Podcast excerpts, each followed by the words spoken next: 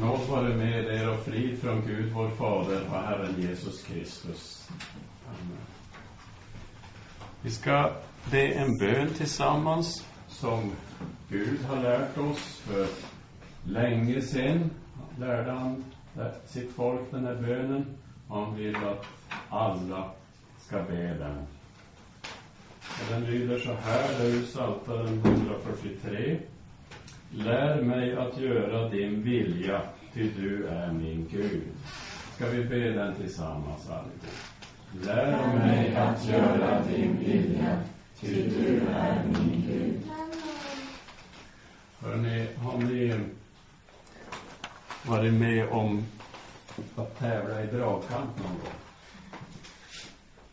Alltså, jag menar då, då delar man in två lag och så har man ett ett rep, starkt rep, men som är mycket längre än det här. Och så tar man tag varje lag i, i sin ända. Och så är det en flagga på mitten. Och så drar man. Och drar. Och det lag som först får flaggan över på sin sida har ju vunnit. Starkare vinner. Men eh, har ni tänkt på att eh, pågå en sån dragkamp inom oss, en liknande dragkamp inom oss varje dag. Jag ska ge ett exempel. Om till exempel er mamma och pappa har sagt ni får inte se det där tv-programmet, för det är inte bra för er. Men era kompisar ser det och berättar för er om det. Och så kommer ni hem och tvn är på och så trycker ni på dosan och så kommer det där tv-programmet fram som mamma och pappa inte vill att ni ska se. Och då börjar dragkampen också inom er. Då blir det en sån dragkamp. För ni vill lyda mamma och pappa men samtidigt är ni nyfikna på vad kompisarna ser. Och så blir det en sån dragkamp. Och den dragkamp hos kristna varje dag mellan att lyda Gud och att synda mot Gud. Och om vi hade varit ensamma i våran ände att dra, ensamma i vårat lag, då skulle djävulen mycket lätt dra oss bort från Jesus till ett liv i synd. Vi skulle vara chanslösa. För han är mycket slugare och mycket mäktigare än oss. Han skulle dra oss bort från Jesus. Här har vi ett kors. Så, bort. Men vi är inte ensamma i vår ände, för vi har den helige Ande med oss. Och den helige Ande, han drar oss till Jesus för han ger oss tron på Jesus genom evangeliet. Och han bevarar oss i den rätta tron. Och han ger oss kraft att säga nej till synden. Och han ger oss kraft att göra Guds vilja. Eh, men hörni, var ska vi gå för att lära, lära oss vad som är Guds vilja? Hur ska vi göra för att, var finner vi Guds vilja? Var, var ska vi lära oss Guds vilja? Någon som har något förslag? David kanske? Gustav? Bibeln. Ja, visst. I Bibeln. Så när vi har vår bibel och läser vår bibel så verkar den helige Ande och stärker vår tro och lär oss att göra Guds vilja. Det är där vi lär. Ska vi be bönen en gång till? Lär mig att göra din vilja, ty du är min Gud. Låt oss knäppa händerna och be. Vi tackar dig, helige Ande, att du hjälper oss i dragkampen mot Satan och mot synden. Och vi ber att du är med oss när vi studerar Bibeln och gör vår tro stark och lär oss vad som är Guds vilja och ge oss kraft att göra Guds vilja. Det ber vi om i Jesu namn. Amen.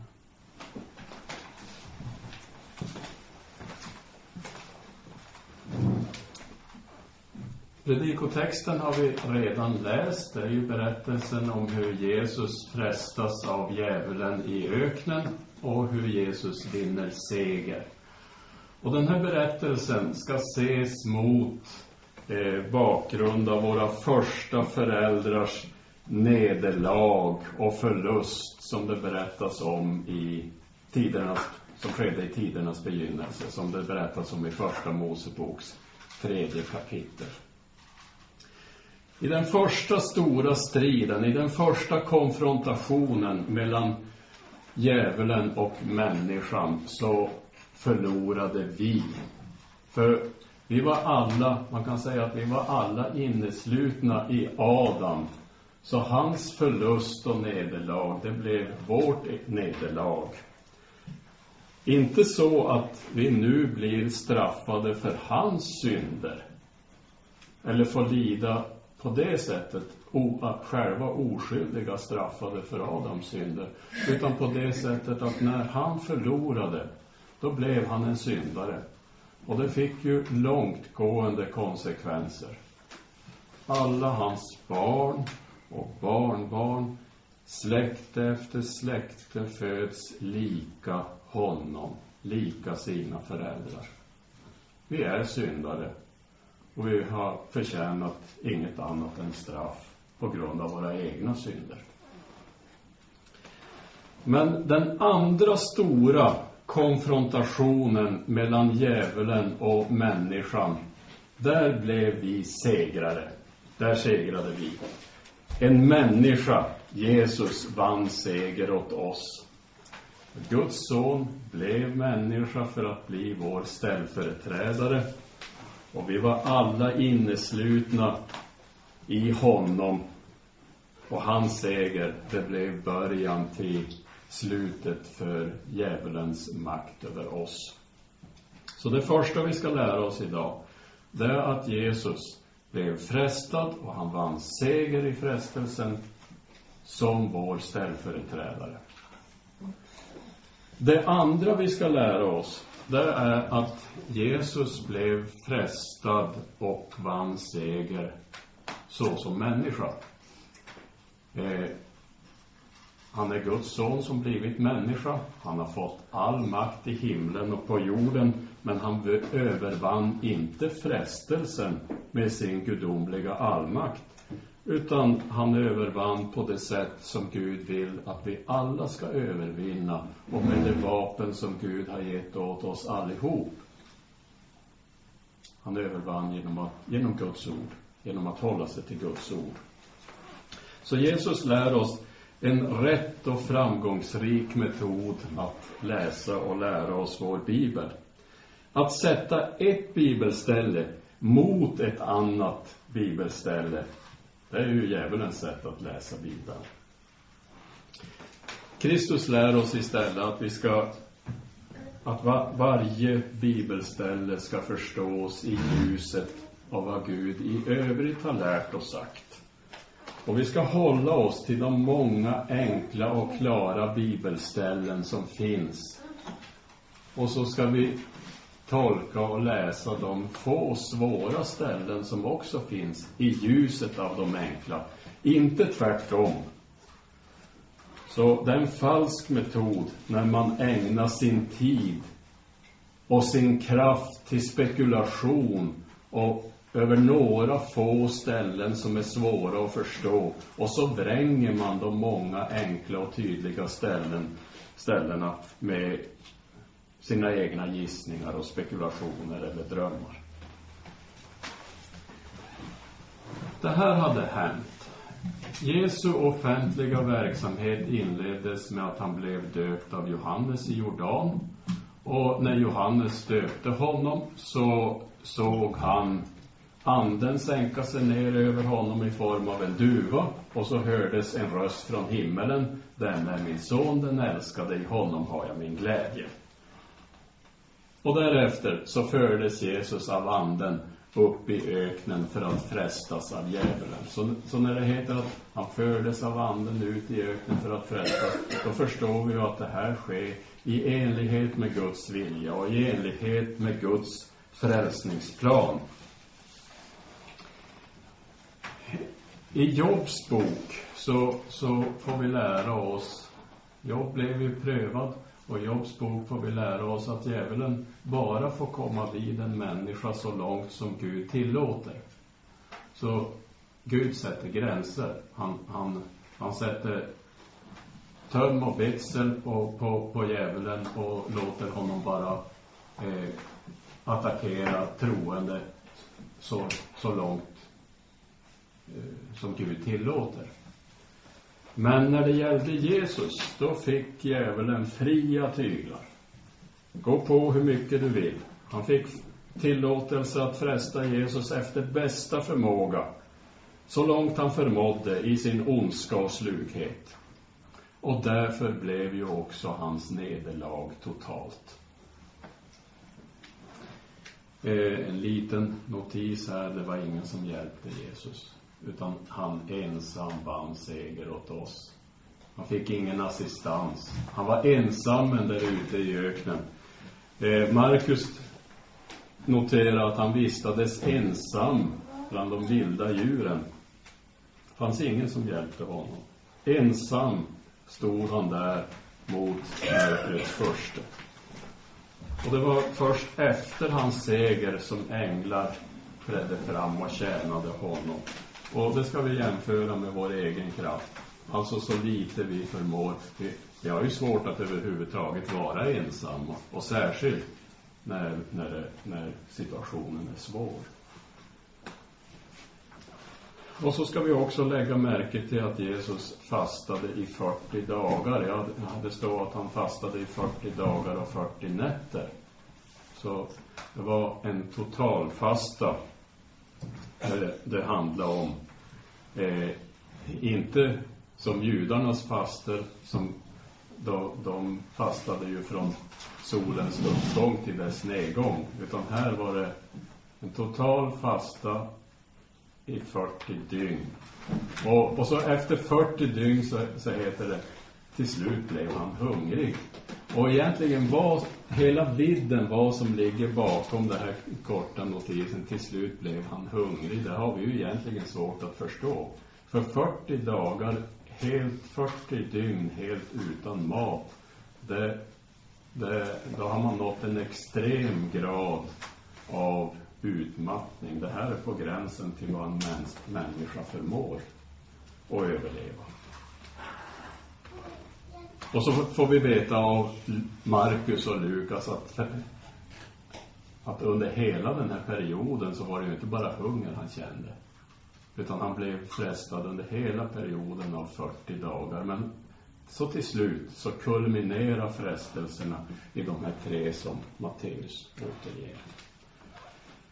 Vi vet inte i vilken form Satan framträdde. Ni vet då, då, då djävulen frestade våra första föräldrar så framträdde han ju i formen av en orm. Men samtidigt förstår vi att ormen i lustgården, det var ju ingen otäck och avskräckande varelse. Det var inte så de uppfattade honom, utan, utan de, de blev nyfikna och lyssnade till honom. Och I vilken, i vilken eh, skepnad framträdde han då för Jesus så att Jesus skulle, så att det blev en verklig frestelse, frestelse alltså någonting lockande. Alltså han, han kan ju knappast ha framställt, framträtt avskräckande om för att åstadkomma en frestelse. Några har tänkt att han framträdde i form av en ljusets ängel. För det heter ju i Hebreerbrevet, Satan själv gör ju om sig så att han liknar en ljusets ängel. Hur som helst så förstår vi att, att Jesus blev utsatt för direkta frestelser från frestaren själv.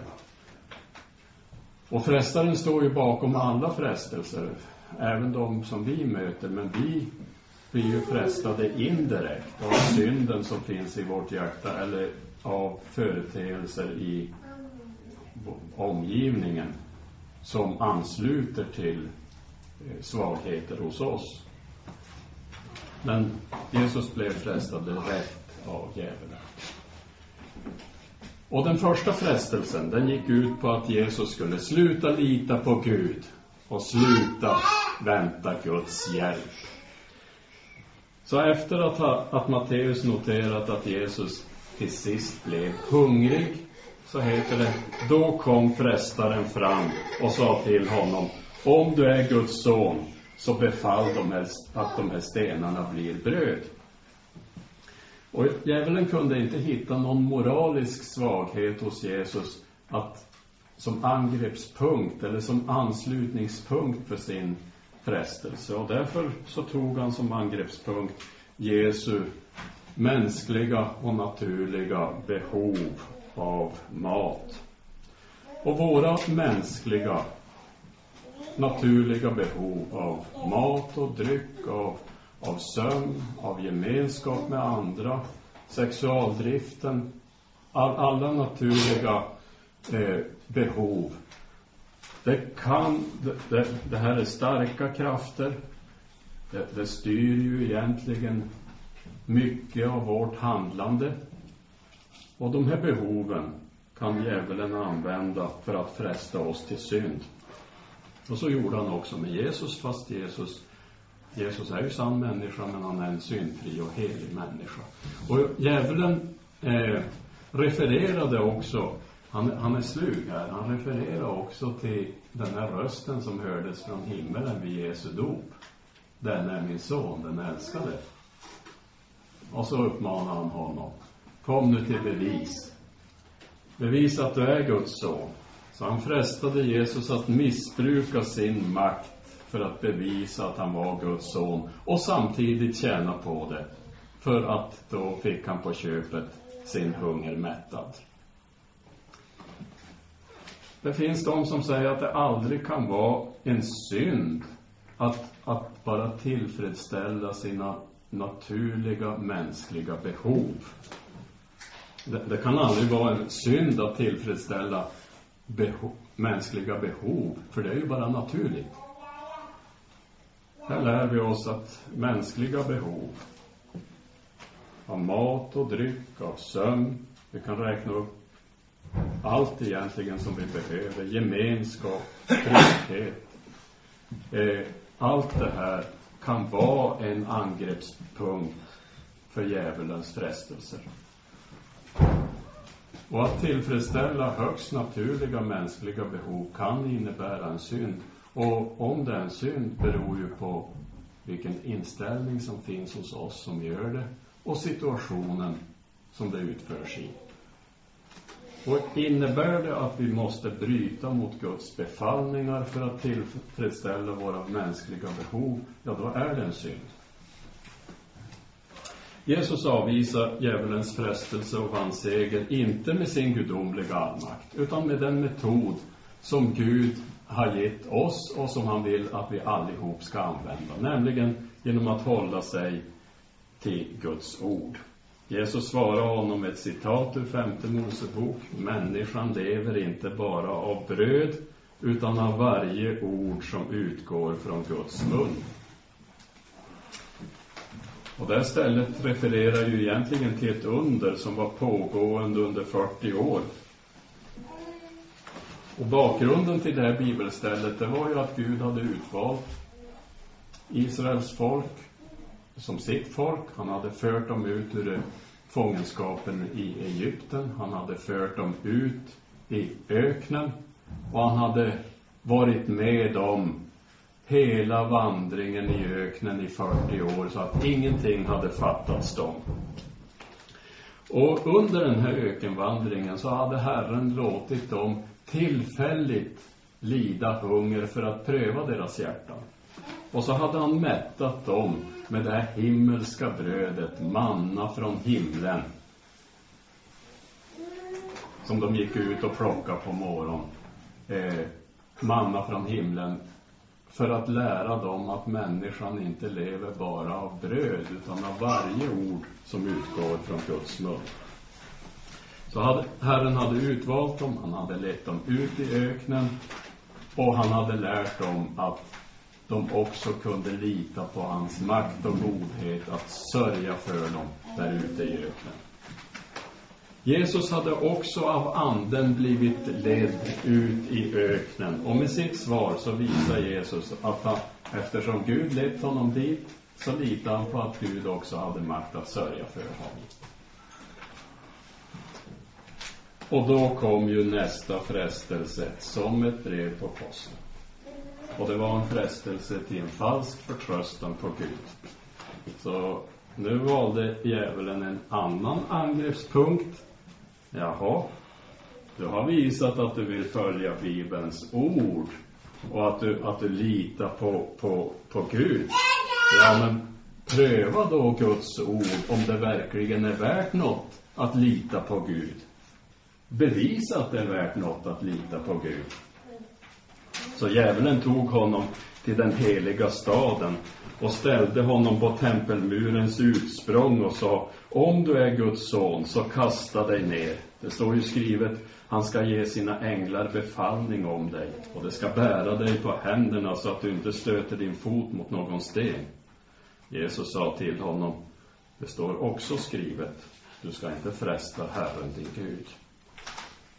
Så Satans sätt att citera Bibeln, det var ju att rycka ut ett bibelställe utan att ta hänsyn till andra bibelställen som också var tillämpliga på den här situationen.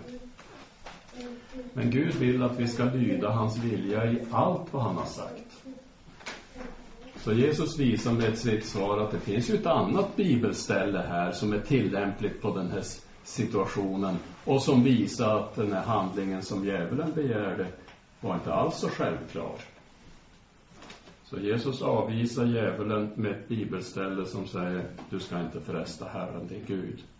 Och bakgrunden till det stället som är hämtat ur femte Mosebok sjätte kapitel det var att Israels folk de nöjde sig inte med att bara gå där och lita på att Gud skulle sörja för dem och ge dem allt vad de behövde, utan de ville att Gud skulle bevisa bevisa sitt löfte när de begärde det och att han skulle bevisa sitt löfte på det sätt de själva begärde. De krävde att Moses skulle ge dem vatten. Och situationerna var ju rätt snarlika. Och Jesus visar vilken läxa Gud vill att vi ska lära oss. Jesus svar visar att om han gjorde som djävulen begärde, då skulle han ju göra sig lik Israels folk i öknen. Det vore ju att kräva hjälpen då man själv bestämde och på det sätt man själv bestämde. Och att med vett och vilja utsätta sig för en situation som endast kan sluta i katastrof om Gud inte ingriper i situationen, det är att fresta Herren. När man själv väljer, alltså att det, det är inte nödvändigt. Det, det här är inget tvång, ut, utan man, man väljer själv att utsätta sig för en livsfara och samtidigt tror att Gud ska bevara från all skada. Det är ju en falsk förtröstan på Gud. Vi lär oss här att vi ska ta hänsyn till allt vad Gud har lärt oss och inte sätta ett bibelställe mot ett annat. Och, och, vi ska inte göra så att vi bara väljer ut de här som passar oss och så bortser vi från allt annat som Gud lärt och sagt.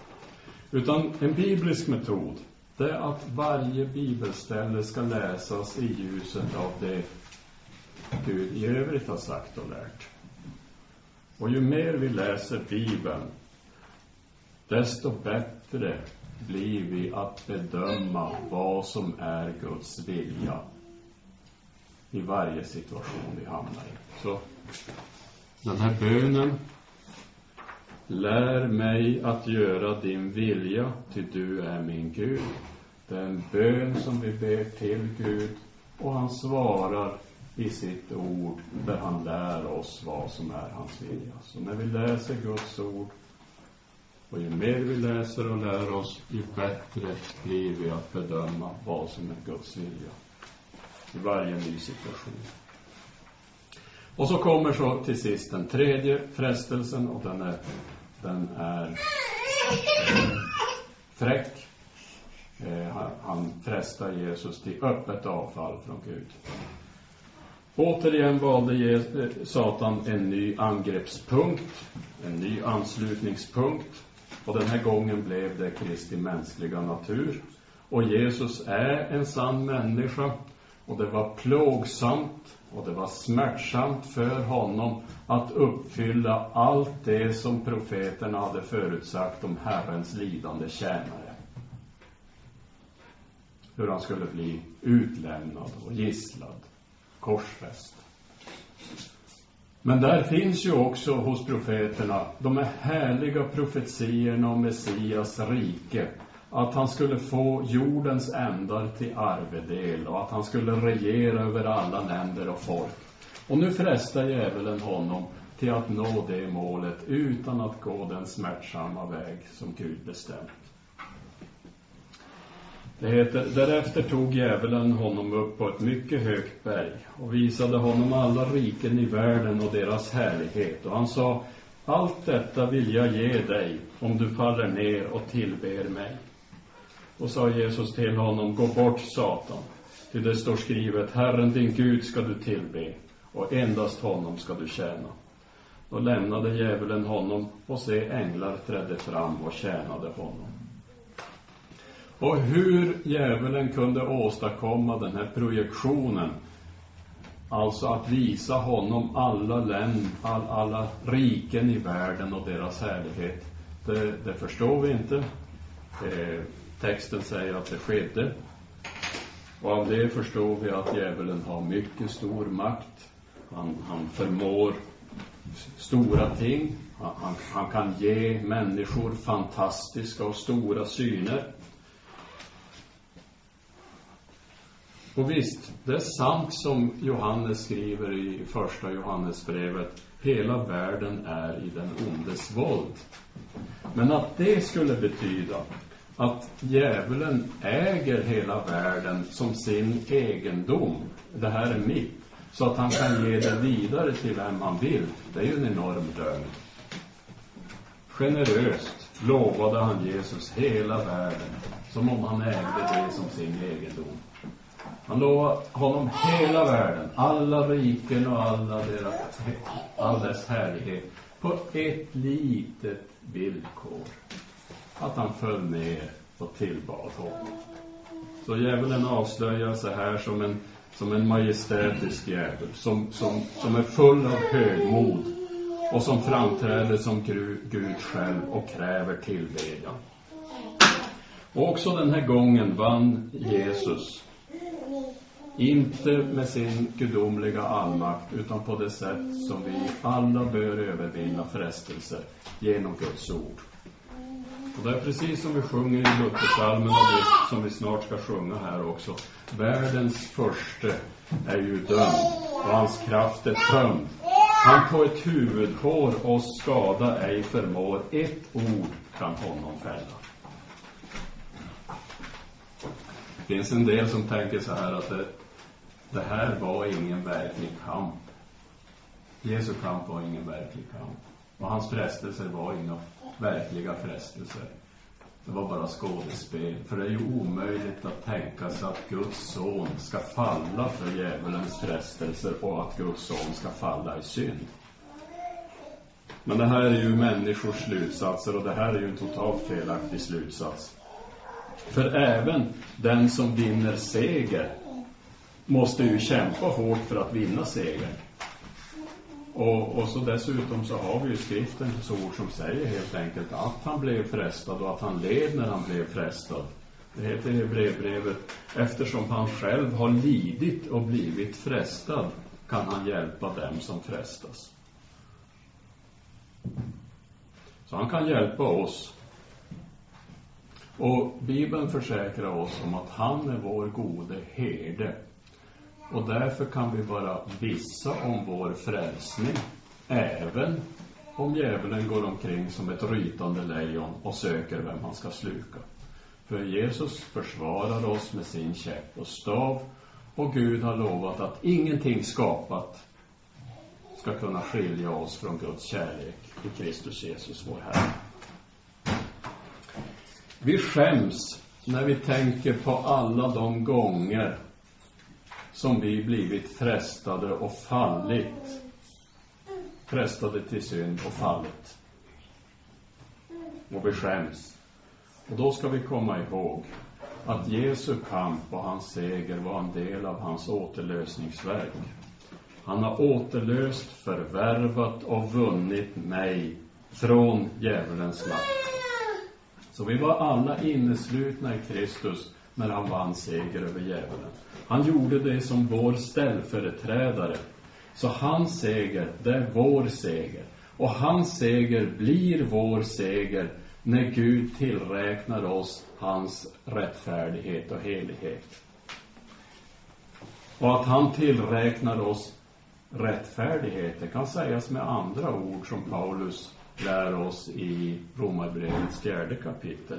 Saliga är de vilkas överträdelser är förlåtna och vilkas synder är överskylda. Salig är den man som Herren inte tillräknar synd. Och vilka är det han talar om? Vilka gäller detta ord? Salig är den som Herren inte tillräknar synd. Jo, det gäller alla som tror på honom som från de döda uppväckte Jesus Kristus, vår Herre. Amen. Låt oss så be. Vi tackar dig, Jesus, att du vann seger i vårt ställe och att din seger är vår. Du har lidit och blivit frestad och du kan hjälpa oss när vi blir frestade till synd. Hjälp oss att övervinna allt med hjälp av Guds ord. Och vi ber, när frestelsen kommer, ge oss då också en utväg och lär oss att hålla ut så att vi inte faller utan vinner seger. Amen.